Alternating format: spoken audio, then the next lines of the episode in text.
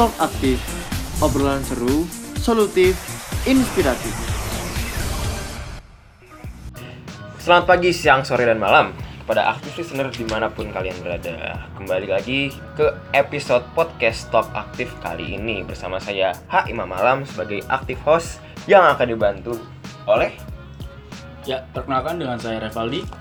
Ya, saya Farhan Haryadi Pratama. Oke, sebagai guest guest host. Oh ya, betul sekali ya. Oke. Nah, untuk kesempatan kali ini kita bicara sedikit tentang dimensive. Nah, menurut Cambridge Dictionary, demand itu terbagi dua, request dan juga need. Request artinya permintaan dan need artinya kebutuhan. Nah, sebelum itu kita perkenalan dulu nih. Ada aktif guest yang luar biasa sekali ya. Nah, yang pertama ada Ketua BEM FEBUB 2018, Mas Muhammad Diki Kusnadi. Selamat pagi, siang, dan malam. Saya yang ingin lengser, pamit undur diri. Woi, belum Mas, itu di akhir, di akhir, di akhir. Belum belum. Belum. Oh iya, ada yang mau move juga di sini kan? Ada mau dua periode? Oh iya. Saya ikhlas, saya ikhlas. Dan yang kedua ada Wakil Ketua BEM FEBUB 2018, Mas Afan Irhamsyah. Halo, malam malam malam. Saya juga mau menemani Diki untuk lengser. Oh siap. Kalau nggak, kalau nggak lengser gimana Mas? Harus lengser. Gak bisa lengser. Oke, mungkin biar sedikit beda nih. Kita mulai dengan games dulu nih. Mungkin pada guest host yang kedua ya. Ya, jadi dari kita nih punya beberapa pertanyaan nih. Nanti kalau kita tanya langsung dijawab nih dengan cepet nih. Oh, nama gamenya apa nih? Ya. Choose Apa? one, choose one. Iya, choose one. Oke oke. Harus cepet ya Mas ya. Harus cepat ya. Harus cepet ya, Nah, harus cepet ini ya, buat ngetes juga kan apakah ketua BEM dan wakil ketua BEM yang udah satu periode tuh Masih kompak atau enggak? Kompak. Wah. Apa BM Sose masih sehati apa enggak gitu. Oh, siap. Siap. Gimana? Dari Mas Afan dulu, udah siap belum? Oke, siap siap. Ya, Mas Diki. Siap. Ah, siap. Pertanyaan pertama. Satu, dua, tiga. Kopi atau teh? Kopi. Saya tuh udah kompak nih, kompak. nih. Oke, udah briefing tadi. Jangan Nggak ada rekayasa, ada rekayasa. dapur, rasa dapur. Ini gak ada rekayasa, ini kita nggak kenal sama Siapa? Nggak host. kenal. UBK Sasu. Tidak ada Oke, oke. Lanjut nih, lanjut nih. Oke. Handphone atau laptop? HP. Sama deh HP dan handphone. Ini istilah aja sih. Ini istilah. So far masih Ada kompak nih. ada glitch dikit ya. Lanjut nih, yang ketiga nih. AD atau ART? Ade. Loh kok kompak banget ya? Ya, Gimana ya? Lanjut deh, lanjut deh. Memang ada itu yang benar-benar Iya awal. Dasarannya. Dasar banget. bahan baku untuk membuat satu rumah yang emang fundamen dan lanjut deh. Waduh, ini kayak ada pembahasan lagi nih berat. Intro dulu. Anda ikut Mufeb. Iya. Biar rame. Iya. Kalau boleh tahu move tanggal berapa tuh, Mas? Promosi Dari sekali. tanggal 22 sampai tanggal 30. Oke. Ya nggak sih? Kayaknya sih. Kayaknya iya. Nanti lihat lagi di DPM ya. Oke. Iya. Jadi buat aktif listener yang dengerin ini jangan lupa ikutan Mumfeb. Mantap. Lanjut nih, lanjut yang keempat nih. Permintaan atau kebutuhan? Kebutuhan. Iya. Beda nih, beda nih. Belum jawab. Bisa ditebak lah ya jawabannya. Nah nih, lanjut nih. Pakem atau shifting? Shifting. Oke, sama. Oke, menarik sekali ya. Yang terakhir nih, ini yang terakhir lah dijawab dengan hati nih, pakai hati nih jawabannya. Ikhlas atau dua periode? Ikhlas. Emang Yang dua periode susah itu. Iya, tapi udah nih. Udah. Amin ya. Eh, supaya nanti yang ikhlas bukan Mas Diki Mas Afan doang, tapi KM juga ikhlas gitu ya Mas ya. Gitu. Nah, ini menarik sekali nih. Jadi kita ngomong soal permintaan atau kebutuhan, terus ada pakem atau shifting. Nah, nanti eh ak- bukan aktif guys. Guest host host. kita yang pertama bakal jelasin nih. Sebenarnya eh dalam teorinya demand itu seperti apa sih? Nah, kalau misalkan dari teori ekonominya sendiri ya, pergeseran dalam kurva permintaan itu disebabkan ketika eh, terjadi pendapatan pendapatan pembeli itu meningkat, terus juga ada tren konsumsinya berubah. Jadi kayak misalkan konsumennya itu eh, mengikuti, mengikuti mengikuti tren gitu loh. Kayak misalkan tren musim ini sama musim depan itu beda. Terus juga ekspektasi harga, persediaan dan kebutuhan. Dan juga ada harga yang eh, bisa di- dikaitkan dengan barang-barang yang barang-barang yang bisa dijadikan pengganti barang-ganti gitu. Oke, berarti ada empat hal yang bisa menggeser dari demand ya. Iya, itu kan kalau misalkan dari ekonominya nih ya. Teori ekonomi. Teori ekonomi. Berarti ekonomi kalau bahasa Indonesia permintaan ya. Mm-mm. Nah, kita sekarang coba bicara soal kebutuhan nih, Mas Afan, Mas Kiki. Mungkin ada pandangan mungkin dari Mas Afan, Mas Kiki. Sebenarnya eh, dari demand shift tuh seperti apa sih?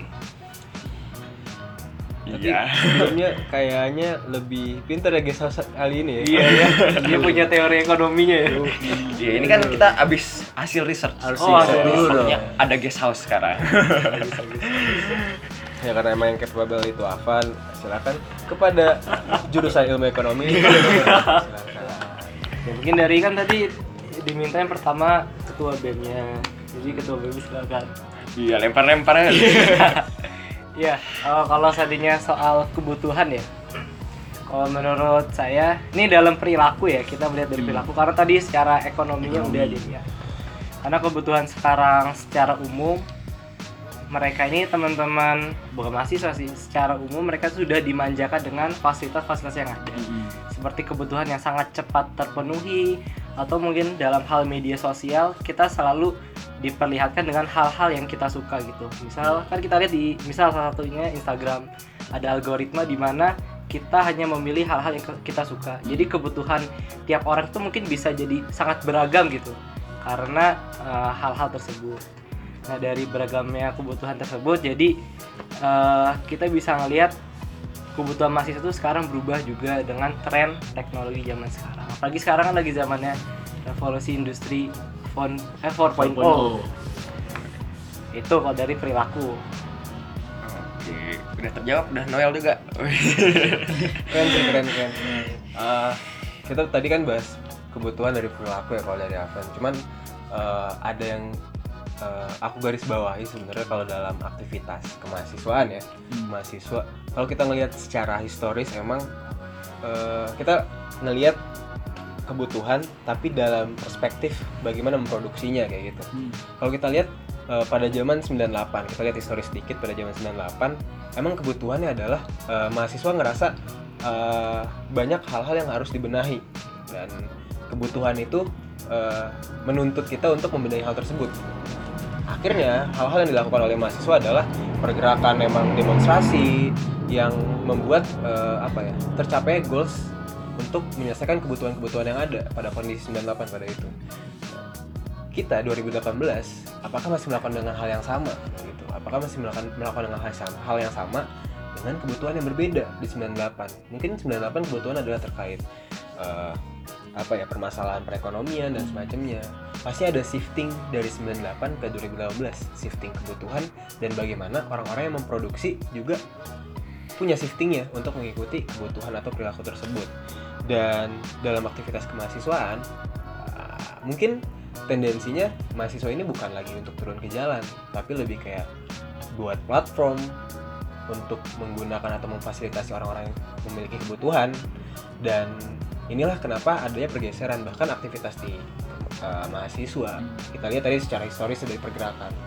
Nah, ini mungkin perspektif sedikit uh, how sih kita untuk memproduksinya kayak gitu. Kalau kita ngelihat kalau Avan ngelihat dari konsumen behaviornya kalau uh, aku ngelihat dari uh, perusahaannya untuk memproduksi kayak gimana terhadap kebutuhan tersebut. Dan shifting itu uh, realita dan future is real kayak gitu. nah itulah shifting menurut menurutku sih kayak gitu tapi ya tergantung sih teman-teman bener gak nih kata aku Oke, luar biasa ya. Kayak Mas Diki udah riset juga tadi.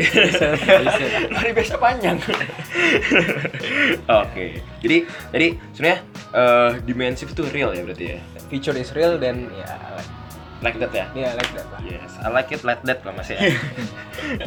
nah, tadi soal demand shift sudah terjawab ya. Jadi kalau soal demand shift berarti ada permintaan tapi juga permintaan nggak lepas dari kebutuhan. Oke.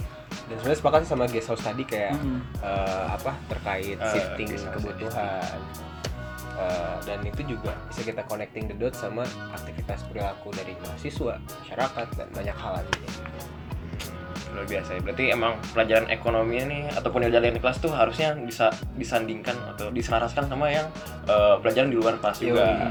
karena kita bisa belajar di mana pun kapan pun dan dan kita harus lakukan itu Jadi nyebar ya ini pembahasan. ayo Oke, pertanyaan nih buat Yes, Gesas dulu. Aduh, apa tuh, apa tuh? Menurut anda anda ini, eh, menurut bro-bro ini, kalau di FEB tuh ada dimensif nggak sih? Iya atau enggak? Hmm, Gesas pertama, iya. Dua. Ya. Oke, sama-sama iya. Nah sekarang kita ke Mas Afan Mas Diki. Menurut Mas Afan Mas Diki, tadi kan udah Mas Afan duluan, berarti Mas Diki sekarang kan? Hmm, Oke, setuju. Ada nggak sih dimensif di KM FEB UB dalam bentuk kebutuhan ataupun permintaan? Hmm. Ya.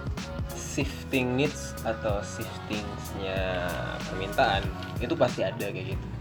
Dan kalau tadi ada pertanyaan apakah kita pakem atau ngeliat shiftingnya kayak gitu. Nah, sebenarnya eh, terusus di FEB ya, tapi sebelum kita ke FEB coba saya secara general dulu eh, negara deh pemerintahan kayak gitu. Shiftingnya ada nggak? Jelas ada kayak gitu. Dan akhirnya yang diproduksi oleh pemerintahan pada Juni, eh, aku lupa Juni atau Juli 2018, akhirnya dia mengeluarkan undang-undang mengenai e-government, electronic government kayak gitu. Dan inilah yang menjadi eh, landasan kuat bisa kita connecting the dots ke FEB. Nah, FEB pasti butuh hal-hal yang lebih sistemik, lebih milenial untuk mencapai kebutuhannya, untuk mengikuti permintaan pasar atau kebutuhan pasar agar lebih efektif dan efisien. Karena kita ngelihat eh, era shifting atau disruption ini eh, salah satunya teknologi. Ambil salah satu contoh yang konkret kalau aku ya di FEB ya, kayak semisal eh, dalam administrasi. Kalau di Philcom, karena emang dia yang teknologi banget, Hmm. dia tuh udah punya kayak platform untuk orang buat nempel poster, tinggal ngisi tuh, tinggal ngisi dokumen dan semacamnya. Nah, kalau di FEB, eh, terutama di BEM kayak masih konvensional aja gitu, masih eh, during time-nya la- lama banget buat apa?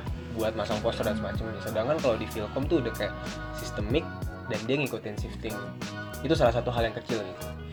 Salah satu hal yang besar kita ngelihat ya program kerja kita dan kita nggak bisa membohongi itu bahwasannya ada shifting dari permintaannya KM. KM masyarakat KM untuk merubah aktivitas eh, program kerja yang diberikan kepada dari lembaga A atau BEM lah nggak apa-apa BEM kepada warganya kayak gitu kita ngelihat tadi secara general aja Indonesia bahkan pemerintahan Indonesia itu Juni baru bikin e-government gitu undang-undang e-government. Untuk semua itu lebih kayak elektronik semua. Ikutin apa? Ngikutin shifting. Dan teknologi salah satunya. Gitu kalau dibilang ada sangat ada. Dan kita butuh orang-orang untuk membiasakan diri dalam perubahan itu. Apakah lembaga-lembaga atau orang di dalam lembaga itu telah terbiasa untuk melakukan perubahan yang cepat? Gitu. Karena kan kita pembelajar nih ya fungsi pendidikan kan ya kita belajar untuk mengikuti kebutuhan mungkin kalau udah aku sih kayak gitu ya tapi kayaknya Afan punya jawaban yang lebih Analitis. lebih oke kayak gitu Aku udah biasa melempar. Ya diri kopi di. Oke, jadi berarti menurut eh, pandangan Mas Diki, kalau di KM FEB sendiri ada nih apa demand shifting dalam bentuk need banget iya atau dalam bentuk permintaan aja? eh need dan eh, demand ya pastinya kayak gitu Oke. pasti ada cuman eh eh, apa ya how to kita ibaratnya kayak ngelihat perubahan itu ya data data yang ngejawab itu. Tapi apakah kita udah ngelakuin untuk data analitis dalam kebutuhan dan permintaan? Karena shifting kita cepet banget. Nah, apakah kita punya data untuk memaparkan hasil analisis dan memberikan rekomendasi dari shiftingnya demand dan needs-nya tadi? Oke, luar biasa sekali. Jadi eh ya Mas Afan setuju nih. Ada dimensif di KM FEB. Mungkin dari Mas Afan, Mas Diki setuju. Emang Eh, kita kelihatannya sama. Oh, siap. Satu hati, satu jiwa. FEB. FMB. FEB FEB. Untung ada kapal Milo lagi kan. ada kapalnya di sini kan. Oh, udah siap. Persiapan LPJ ya. Nah, dari Mas Afan nih, mungkin bisa sekalian menjawab gimana sih caranya mengumpulkan mungkin eh, permintaan ataupun kebutuhan dari KM sekalian nih. Oke. Mungkin sebelum ke sana kita lihat latar belakang tadi shifting dalam hal ekonomi lagi ya. Ekonomi. Yang tadi disebutin ada kurva-kurva, mungkin ada penjelasan nih kalau di E ketika setelah mencapai titik kepuasan puncak marginal utility mungkin dalam hal ini kegiatan di EVB kurang lebih sama nih tahun-tahun sebelumnya. Dan mungkin ada kegiatan yang sudah maksimal gitu. Maka terjadi namanya low diminishing return.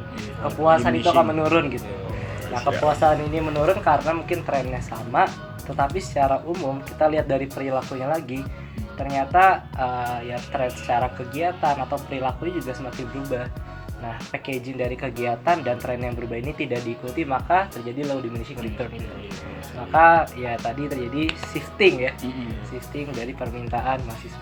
Itu ekonominya. Gitu. Ibaratnya kalau manusia pasti mati. Iya. Iya nggak sih kayak dia punya umur batasan umur untuk udah nggak bisa hidup lagi atau nggak bisa produksi apa apa lagi ya. kayak ini sih kayak misalkan udah dikasih suatu barang yang banyak banget nih Hmm. sampai kita dulu udah ngerasa kayak udah enak sama satu barang ini walaupun kita doyan barang itu enggak mas Misal satu gelas air kamu minum terus, Iya. kalau gelasnya habis kamu udah nggak haus lagi. gelasnya habis gimana mas Eh gelasnya habis, airnya habis.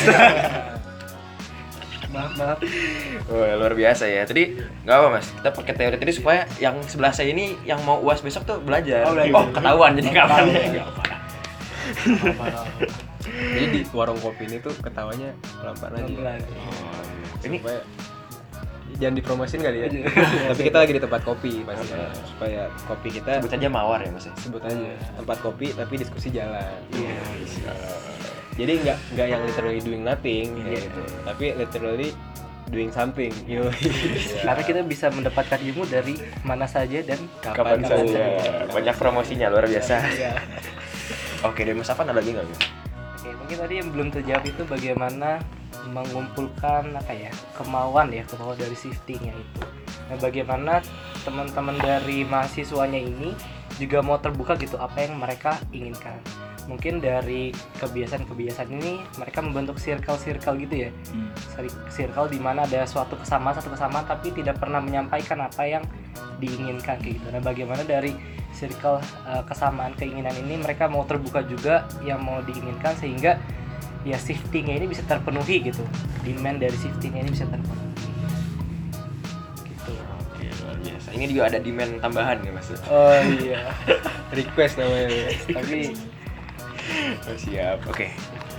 Berarti dari Mas Afan sendiri nih memakai teori yang luar biasa.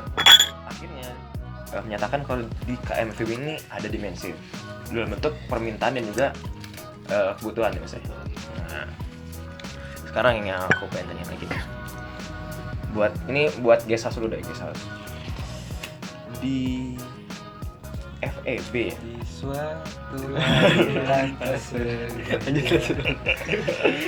di FEB sendiri kan udah ketahuan nih kalau misalkan menurut eh, kita kita kita kita ada dimensi nah sebenarnya eh, organisasi mahasiswa eh, itu termasuk dalam dimensif itu nggak sih?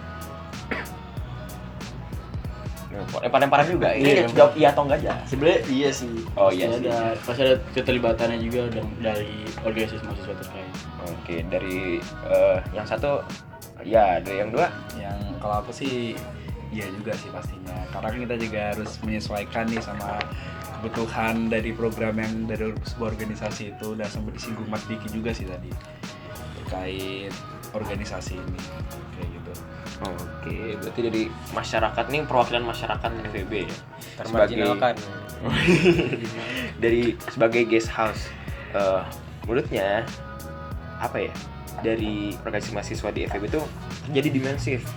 Berarti dari berarti yang tahun ini kan, yang tahun tahun ini ataupun 2018 tuh ada eh, sesuatu yang eh, itu shifting. Jadi apa yang dari permintaan ataupun kebutuhan tuh eh, belum relevan atau belum sesuai sama eh, apa yang diadakan ataupun ada apa yang di eh, supply itu apa namanya ditawarkan Tawarkan. oleh eh, organisasi mahasiswa ini. Nah, menurut Mas Diki, Mas Afan, nah sesuai judul kita nih, organisasi mahasiswa itu tidak relevan, tanda tanya. Apakah organisasi mahasiswa masih relevan atau enggak? Berat ya? berat Karena aku sudah jawab, maka dari itu gini-gini nih suka lempar-lempar Soalnya tahu abis ini pertanyaannya oh iya, iya. santuy. Oke, kalau ditanya masih relevan apa enggak, ya jujur ya masih relevan banget. Tapi ada satu dua hal kita juga harus mengikuti tren ya. Jadi bagaimana organisasi mahasiswa ini ya mungkin secara historis ada kegiatan-kegiatan di masa lampaunya tapi bagaimana dengan uh, esensi yang tetap sama tapi juga bisa mengikuti dengan perkembangan zaman gitu. Dan sekarang juga kita masuk ke dalam era kolaboratif ya di mana kita tidak bisa bergerak sendiri antara kegiatan kemahasiswaan ini ya bagaimana juga bisa berkolaborasi untuk mengisi demand yang dibutuhkan oleh mahasiswa yang ada. Gitu.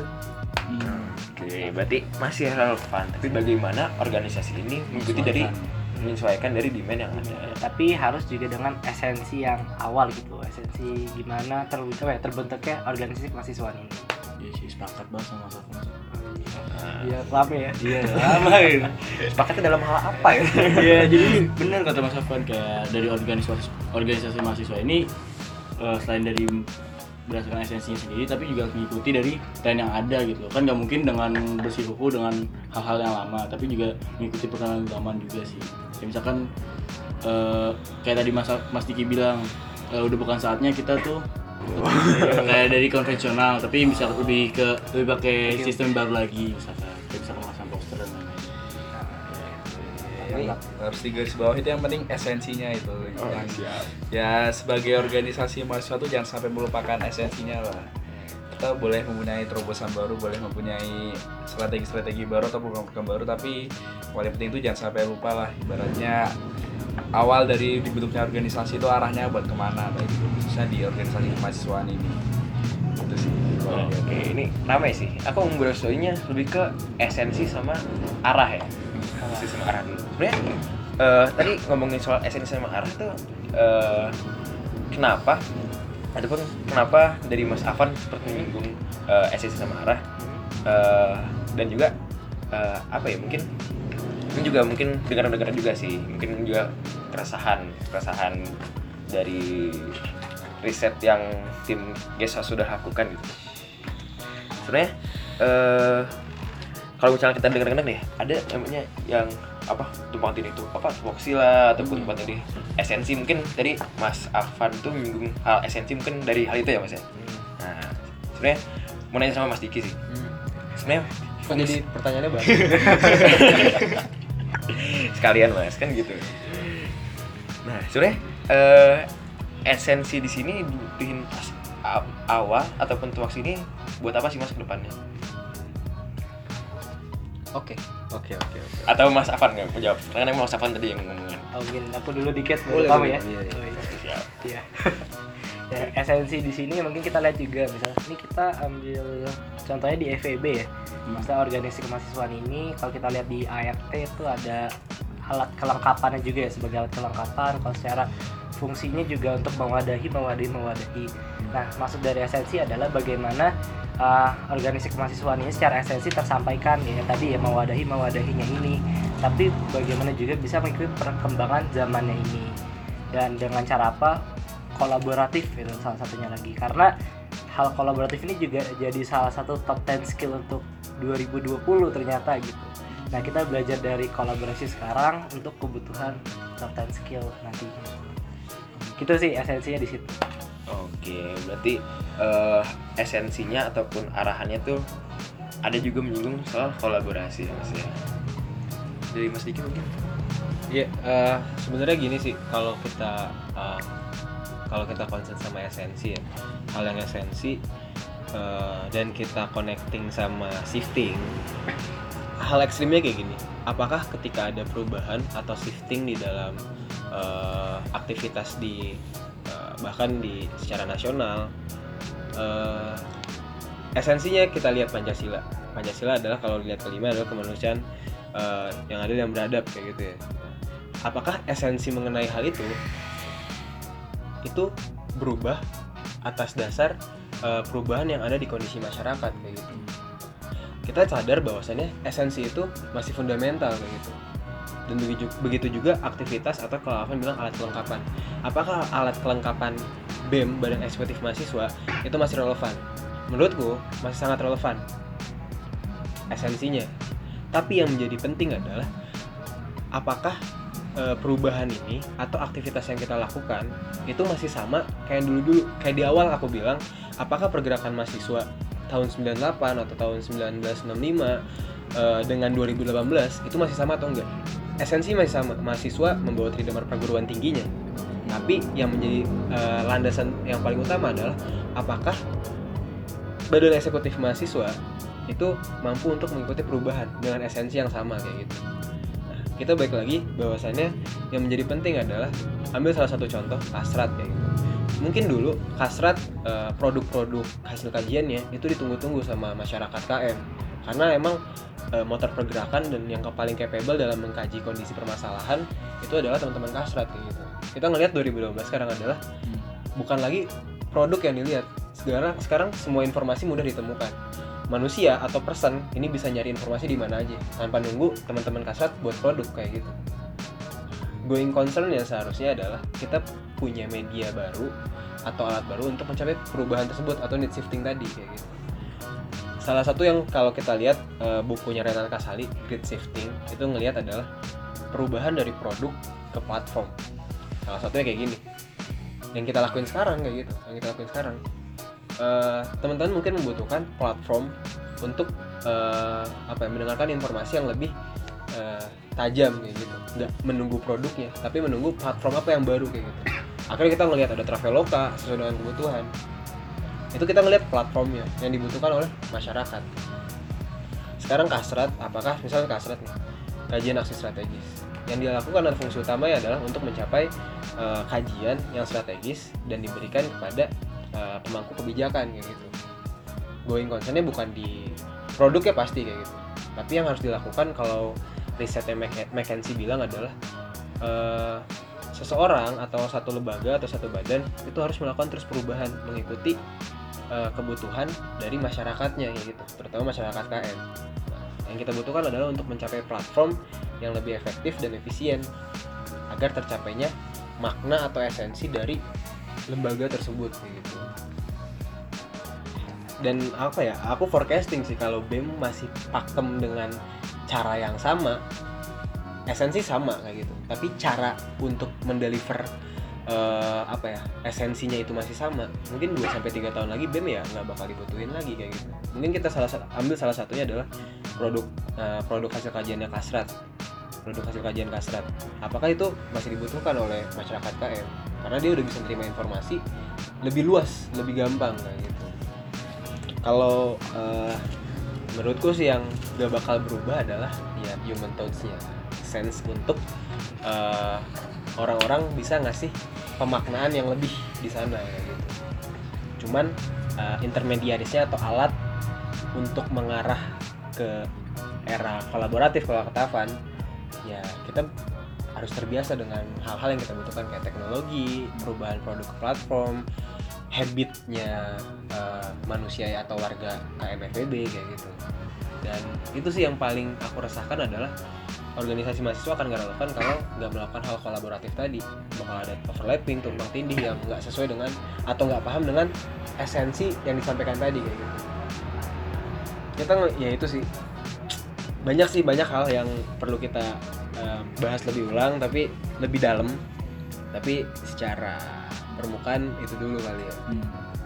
Yang intinya adalah kolaboratif itu penting tapi eh, hal yang instan itu berangkatnya dari hal-hal yang benar-benar membutuhkan sesuatu yang ekstra kayak gitu.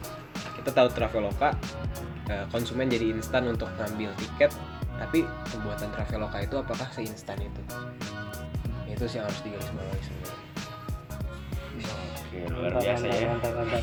Diam semua nih. Terkesima, terkesima. Menyimak atau Menyimak tuh. Masih mikirin. Atau nggak paham tuh kelas 12 ya. Oke. Jadi eh tadi menurut Mas Diki tadi nyambung juga sih sebenarnya ke teori dari demand curve eh jadi yang berubah demand curve atau yang geser demand curve yang kedua consumer consumer consumer trend and taste sama expectation of future price supply and needs dari Mas ya nah jadi dari Mas Diki sebenarnya dari esensi itu sebenarnya masih dibutuhin tapi mungkin caranya caranya itu harus mengikuti dari consumer trend and taste dan juga expectation need, supply, and price. Hmm. Gitu ya mas ya. nambahin dikit ya eh, luar untuk biasa. lebih dalam adalah eh, esensi tuh kayak gini kayak eh, dulu kita kita tuh konsumen butuh untuk beli tiket kayak gitu. Butuh untuk beli tiket tiket eh, pesawat atau kayak gimana. Tapi yang jelas eh, ada perubahan. Dulu kita langsung datang ke loket atau langsung datang ke tempat untuk beli tiket. Nah, esensi kan sama kita membutuhkan untuk pembelian tiket. Tapi yang berubah adalah cara eh, orang tersebut untuk memproduksi hal yang baru atau platform yang baru. Lebih efektif, efisien dan praktis menurutku gitu. Esensi tetap sama, orang pengen beli tiket. Oke, analogi tiket. Jadi ingat analogi pesawat ya mas ya. Jadi pengen pulang. Iya, besok pulang lah. Bongkar dulu Jangan lah. lupa Mumfeb tanggal Dua dua. sampai 30. Luar biasa ya promosi kembali. Ya. Tadi eh, oh ya, terakhir nih supaya konklusi juga. Nah, jadi apakah organisasi mahasiswa tidak relevan? Iya atau enggak? Enggak. Organisasi mahasiswa tidak relevan? Enggak. Enggak, berarti masih relevan. Masih relevan. Apakah organisasi mahasiswa KM FEBUB tidak relevan? Hmm, Iya atau enggak? Enggak. Enggak, berarti ya. Mas Afan ya. Iya. Mas Diki? Gimana nih? Berarti masih relevan kan? masih relevan. Oh, ini negatif-negatif. Iya. Organisasi mahasiswa KM FEBUB secara esensial masih relevan, sangat relevan. Itu jawabannya. Gitu. Enggak ada tambahan lagi. Karena udah disampaikan di awal bahwasannya Oke. esensinya sama cuman cara untuk si organisasi ini melakukan perubahan yang itu tadi analogi tiket tadi Oke. kita dulu beli di loket sekarang beli di HP Oke, yang terakhir, apakah program kerja ataupun program di FEB itu masih relevan? Secara, secara general ya, apakah nanti ada yang ini ada beberapa yang relevan atau enggak ya?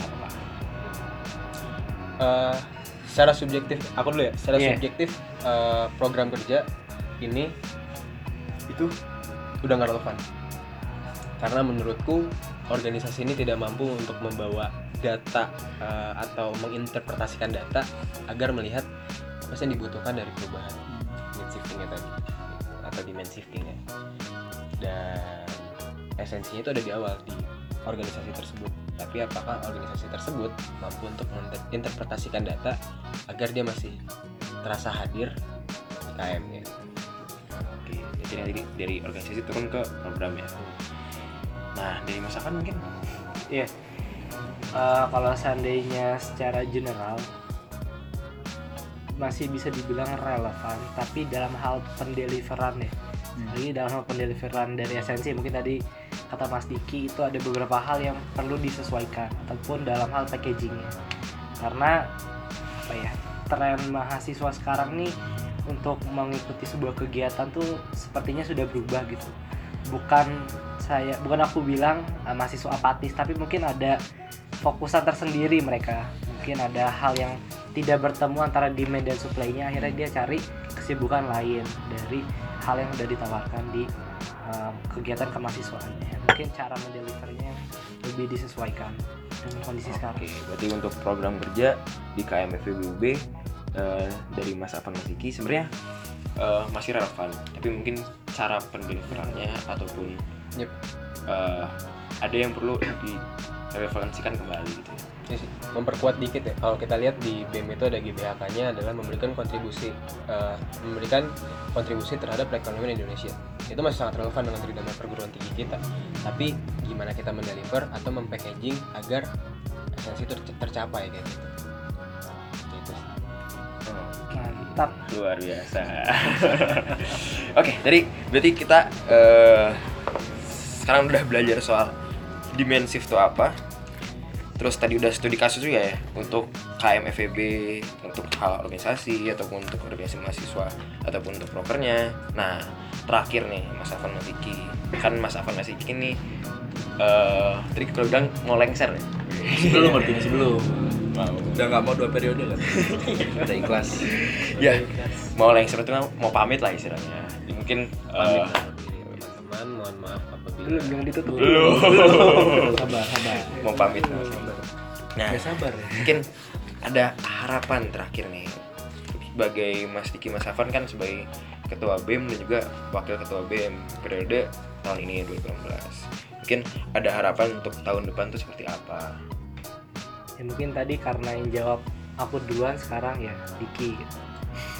nah nanti Mas Diki bilang Mas Afan. Atau dari house dulu Oh, Bisa dulu. warga warga dari warga. Dari Dari dulu silakan Ya, ya saya dari mahasiswa biasa-biasa saja ya. masih biasa-biasa aja ya Iya, kalau ditanya harapannya sih buat tahun depan sih ya sebenarnya kurang lebih apa yang udah disampaikan sama Mas Afan atau Mas Diki. Harapannya di sini ya di sini ada program-program yang memang di sini program yang dilakuin itu berdasarkan data-data dari yang apa yang memang kita butuhkan gitu khususnya kayak aku kan emang cuma mahasiswa biasa kan yang ya cuman kuliah pulang kuliah pulang ya. Jadi harapannya tuh di sini juga ada nih program bisa memudahkanku gitu dalam ya kehidupan berkemahasiswaan lah kayak gitu biar lebih enak aja kayak gitu. Itu sih karena kan di sini aku percaya orang-orang yang berada di, di organisasi itu juga orang-orang yang apa ya suka membuat inovasi-inovasi juga gitu. Amin amin amin amin.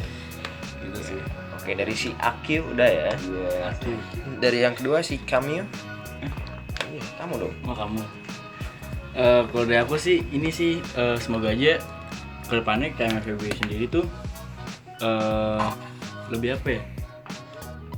Apa? Lebih apa enaknya? relevan lebih Baik. lebih mengikuti demandnya Lebih solid sih jatuhnya Oh, sih. lebih Lebih solid. solid dan Sulit ya, sulit ya bener. soalnya bangga banget Iya, bangga banget. Kan Bangga bangga banget parah ya. ini ngomonginnya soal demand terus Oke. ngomongin soal itu Iya, jadi kayak gimana ya? Maksudnya kayak dari demandnya sendiri pasti ada perubahan-perubahan kan. Oke. Perubahan itu wajar, hal yang wajar.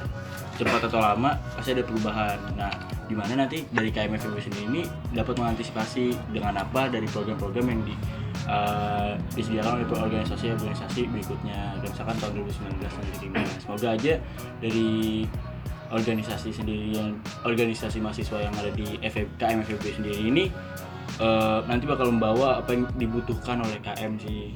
oke membawa apa yang dibutuhkan oke siap luar biasa mungkin yang terakhir lagi guys terakhir lagi Eh, sekaligus mungkin say say goodbye kali ya Untuk KMFB ataupun buat aktif listener ya, mungkin dari Mas Afan dulu gimana?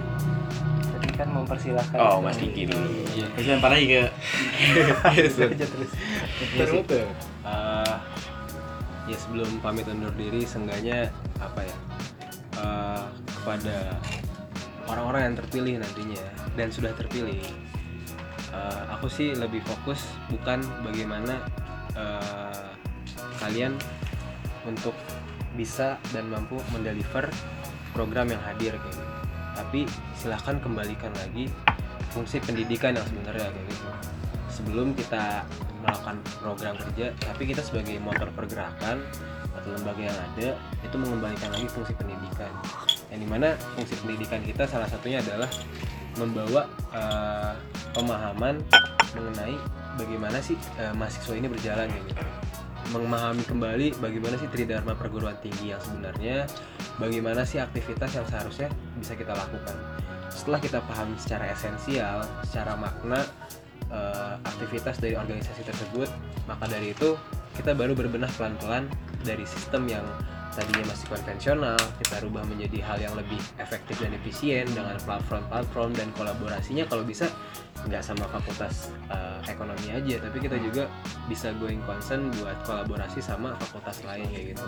Entah buat platform yang lebih eh, apa ya engage atau lebih ngena dan akhirnya kita bisa ngebawa masyarakat KM untuk lebih solid dan cinta sama KM nya kayak gitu. Karena aku ngerasa teman-teman KM ya udah mulai apa ya karena organisasi kelembagaan yang ada di fakultas ini nggak eh, udah mulai ah udah di ketinggalan jauh nih kayak gitu. Nah ini akhirnya yang bikin dia nggak eh, cinta atau ah, kayaknya ini nggak eh, bukan gua banget deh mending gua keluar aja kayak gitu. Keluar dari ikut aktivitas sosial di luar dan semacamnya. Tapi eh, ketua-ketua lembaga yang baru nih harusnya punya fungsi untuk mengembalikan KMFEB agar dia paham ya gitu. Karena kita satu FEB dan gimana ngedelivernya? Ya baik lagi untuk memaknai esensi sebenarnya KMFEB kayak gitu. Biar tetap utuh kayak gitu. Terlepas kita ada revolusi industri 4.0 tapi kan kita juga harus tetap cinta sama Indonesia. Gimana caranya? Dengan esensi yang sama tapi bisa mendeliver menjadi FEB yang FEBUB yang jaya di 2024 misalnya. Karena kan kan bonus bonus demografi kan benar-benar di ini juga. Calon dekan. Calon 2023 aja. Oke, luar biasa sekali ya panjang. sangat banyak peluang buat kita. Jadi saya bingung nih metainnya gimana. Oke, jadi eh, tadi mungkin eh, dari Mas Diki. Nah, sekarang Mas Afa. Iya, tadi udah panjang banget kali ya dari Mas Diki. Mungkin dari akunya sedikit aja. Karena kita harus saling mengisi. Iya, ini sih kosongan. Isi kosong. Kan kosong ya? Iya. Kan Farhan yang mengisi kekosongan kemarin. Iya. Oh, udah, udah boleh ngomong nih. Eh, intinya mungkin kalau tadi secara esensi ya udah banyak dijelaskan. Dan mungkin tadi singgung mengenai kecintaan terhadap FEB sekali lagi kita masuk dalam hal masa kolaboratif. Nah kolaboratif ini yang tidak apa ya, yang kolaboratif itu tidak hanya lembaga dengan lembaga tapi dengan mahasiswanya juga gitu bagaimana teman-teman mahasiswa juga bisa diajak partisipasinya atau kolaboratif mengisi permintaan yang ada dan juga menggerakkan kebutuhan-kebutuhan yang memang dibutuhkan oleh mahasiswa itu sendiri. Terus juga dalam hal perkembangannya ya kita juga harus melihat gitu bagaimana tren sekarang mungkin berubah ya kita juga bisa coba mengikuti ya secara mungkin dalam hal digital atau semacamnya tapi secara esensi ya sekali lagi tidak boleh berubah gitu karena kita juga kalau secara dasar punya tridharma perguruan tinggi peran dan fungsi mahasiswa ataupun ADART di KM mungkin sedikit ini ya tadi mohon maaf salah. Eh, alat kelengkapan tadi aku jelasinnya di ART itu di AD gitu. makanya datang di Mufeb biar tahu itu ada di mana. Tanggal 22 sampai tanggal 22 330 dan apa? di FEB di FEB iya. Lalu udah ada, ada udah ada ruangannya loh itu di Cuman lupa dong. ya dan untuk teman-teman yang terpilih ya percaya aja teman-teman gak sendiri di sini itu semangat Oke, luar biasa sekali ya. Luar biasa banyak ya. jadi mungkin eh, ini sih. Jadi apa yang kita bisa tangkap adalah eh, dimensi itu ada, nyata dan juga eh, nggak cuma dari permintaannya, tapi juga dari kebutuhan dari eh, mahasiswa itu sendiri ataupun masyarakat Indonesia pada umumnya. Nah, di sini dari KM FEBUB kalau misalkan dikatakan masih relevan atau enggak dalam hal organisasi mahasiswa masih relevan. Tapi apa yang harus di eh, mungkin apa yang harus disifkan ataupun apa yang harus digeserkan adalah mengikuti ataupun mewadahi dari consumer trend taste dan juga ekspektasi untuk eh, ke depannya dalam hal harga penawaran dan juga kebutuhan jadi di sini oh ya pesan juga nih eh, buat aktif listener jadi tadi kita udah bicara soal teori ternyata teori pun bersandingan ataupun berkolaborasi lah istilahnya tadi untuk hampir sama mirip-mirip gitu ya. Nah, berkolaborasi dengan hal-hal yang di luar ataupun hal-hal di dunia nyata. Jadi jangan lupa buat belajar, apalagi main-main uas ya. Dan besok juga ada yang uas nih kalau salah ya. Bukan besok, malah hari ini ya. nah, jangan lupa buat terus belajar karena pembelajaran juga penting belum di kelas. Walaupun nanti pembelajaran di kelas itu dipakai juga buat di dunia nyata. Betul ya? Betul sekali. Nah mungkin eh, terima kasih nih eh, buat guest house kita ada Revaldi Dwi Handria dan juga ada Farhan. Farhan Farhan siapa nih? Yang menang kemarin itu? Bukan ya? siapa yuk Farhan Pratama ya. Dan juga dari Mas Diki, Mas Afan, terima kasih banyak. Mungkin kita tutup talk aktivitas hari ini dengan eh, ini kali pamit undur diri bareng-bareng. tapi pelan-pelan ya bisik-bisik aja Jadi nanti talk aktif, talk aktif, talk aktif, dimensif, organisasi mahasiswa tidak relevan, pamit undur diri. Oke, nanti listener aktif juga ngikutin ya. Padahal nggak tahu ngikutin apa enggak. Nanti kalau ngikutin dapat monthly quiz. Oke, eh, talk aktif, dimensif, organisasi mahasiswa tidak relevan, pamit, Pamit undur diri. Sekian dari kami. Selamat pagi, selamat siang, selamat sore, dan selamat malam. Wassalamualaikum warahmatullahi wabarakatuh. Waalaikumsalam. Talk aktif, obrolan seru, solutif, inspiratif.